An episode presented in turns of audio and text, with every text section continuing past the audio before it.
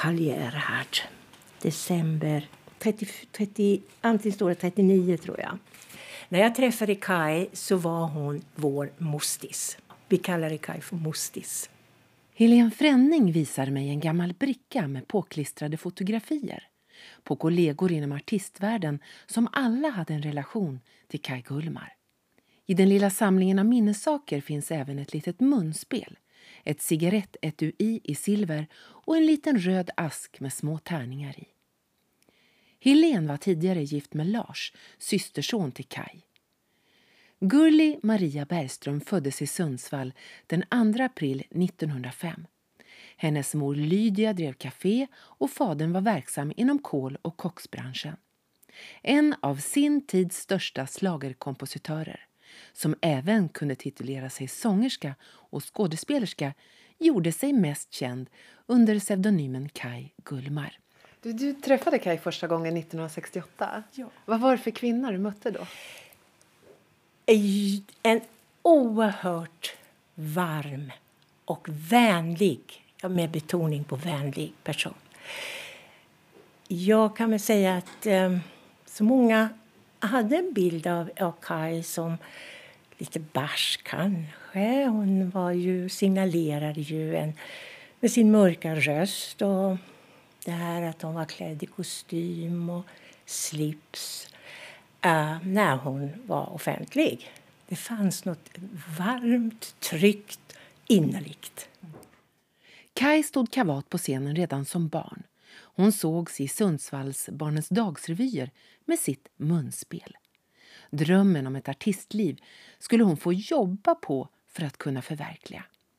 Det var under en vistelse i London på 1920-talet som Kai upptäckte amerikansk och engelsk dansmusik. Väl tillbaka i Stockholm kom hon, mot föräldrarnas vilja, att uppträda i Ernst Rolfs revyer. Efter att hon förbjudits av föräldrarna att ägna sig åt artisteri fick hon arbete i en pianoaffär. På grammofonavdelningen roade hon sig med att sjunga högt till engelska orkesterskivor. I högtalare som satt ut mot gatan kunde förbipasserande höra den unga Kai. Det gjorde operadirigenten Nils Grevillius. Tack vare honom blev Kai upptäckt. Det var här som hennes karriär som grammofonartist började, vid skivbolaget HMV. Kai fick sjunga in sina egna kompositioner. Under sin långa karriär skrev hon runt 500 slagermelodier som sjöngs av flera populära artister. När man träffades familjen och sådär, eh, var det mycket sång och musik i sådana sammanhang också? Ja, det var det. Och det var inte alltid bara Kajs musik. Hon älskade att sjunga aj, aj, aj, det bultar och det bankar. Ja. Under 1940-talet skrev Kaj melodier till populära filmer som Med dig i mina armar, Melodin från Gamla stan och Swing it magistern, den med Alice Babs bakom mikrofonen. Gus Morris skrev ofta sångtexterna som lanserades i filmerna och som framfördes av folkkära artister.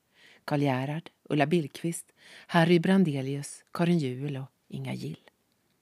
Kaj syntes själv i en del småroller och det jag själv minns är den som mamma till Anderssonskans Kalle. Kaj Gullmar skrev musik till 47 filmer. Nu har jag pengar ut i min ficka och någonting som jag kan dricka och på mitt knä en vacker kicka. Nu är jag glad som en pilleman. Den sjöng Kaj ofta när hon träffade Lars. Det var lite kul. Hon fick ju inga barn själv så det, det, blev eh, syskonbarn. ja, syskonbarnen som hon stod nära. Hur var det egentligen i familjerelationen? Var ni nära varandra? Ja, det vill jag säga. Syster Karin betydde väldigt mycket. Många var de som beundrade direktörsdottern Kai Gullmar. Hon tog ett modigt steg rakt in i den mansdominerade musikbranschen och hon blev mycket framgångsrik. Kai vågade gå sin egen väg och trotsade många konventioner för att kunna leva det liv hon ville. Hon utmanade sin tids normer och gick emot det kvinnoideal som rådde. På flera fotografier som Helene visar är Kai klädd i kostym och slips. Håret är kortklippt och hennes blick, den som ser rakt in i kameran, känns både modig och självsäker. Och jag tror att väldigt många också såg så på Kai att hon var, hon var eh, eh, också vän, en väldigt vänsel person.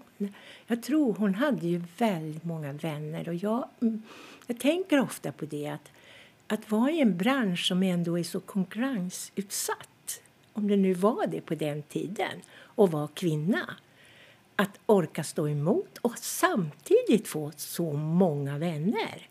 Det, det måste finnas någonting inom henne som gör att, att det blev så faktiskt. Och jag mötte ju det. Jag mötte denna vänlighet, denna vänskap. Helen plockar bland Kajs saker och de album med många inklistrade fotografier. Där visar hon på de många kollegor och vänner som fanns i det som hon och familjen kallade Mostis liv. Rut och sen har hon ju Åke Grönberg väl här och där och där är Lill-Babs och där är en av hennes allra närmaste och viktigaste vänner den senaste tiden i livet var ju Lilly Berglund. Stig Gärdel och Åse.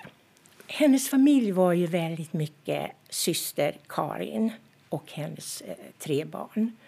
Eh, det var Lars, Kerstin och Margareta. Lars eh, blev min man 1969 och jag blev väldigt välkomnad i familjen. Hur var det nu med Melodikrysset? Ja, alltså, varje lördag så var det ett givet eh, tillfälle för oss att tillsammans göra någonting med Kai. Vi löste det, var och en på varsitt håll. Då. Och den första som slog en signal när det var klart, det var ju Kai. Och eh, ofta var det min man Lars då som, som tog samtalet. Och ibland så kunde han spetsa till det lite och säga Åh, det, på den där trean med tre bokstäver, det hade jag svårt för. Då skulle Kaj in på krysset. Så det var en väldigt fin eh, fint möte men på telefon med varandra och en, en, eh, någonting som vi hade gemensamt. Hon sa ju att hon, eller det här att hon aldrig tappade det goda humöret och sa sig vara en känslomänniska. Är det så du upplevde henne? Ja, det kan jag nog säga. Gott humör. Eh, glad och hade humor, som jag sa. Man fick, man fick trevligt i hennes sällskap, det måste jag säga.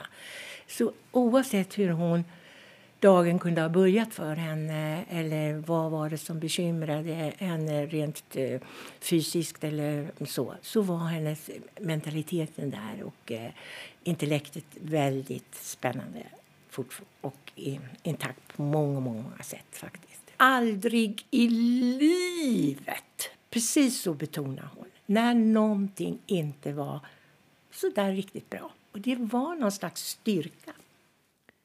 Att Kai Gullmar var en målinriktad kvinna som gick sin egen väg råder det ingen tvekan om. Kläderna hon redan som flicka uppträdde i lånade hon ibland från stans herrekiperingar. Den längtan och det driv som hon hade att få skriva och uppträda öppnade en gyllene väg rakt in i den svenska nöjesbranschen där hon skulle ingå samarbete med bland andra Ernst Rolf och Karl Gerhard. Kai blev den första kvinna i vårt land som komponerade populärmusik. Kai älskade havet och skaffade ett sommarställe nära vattnet där hon vilade och njöt. De sista tio åren förändrades Kais liv drastiskt. En halkolycka gjorde henne förlamad från midjan och neråt. Hon backade då från offentlighetens ljus. Vid hennes sida fanns balettdansösen Rita Rosenberg, hennes kära livskamrat. Kaj Gullmar somnade in den 25 mars 1982, 76 år gammal. 2018 blev hon invald i Swedish Music Hall of Fame, en utmärkelse som uppmärksammar svensk populärmusik. I hennes hemstad Sundsvall står hon numera också staty i sin fulla längd, 167 centimeter. Självklart klädd i kavaj och byxor med pressväck.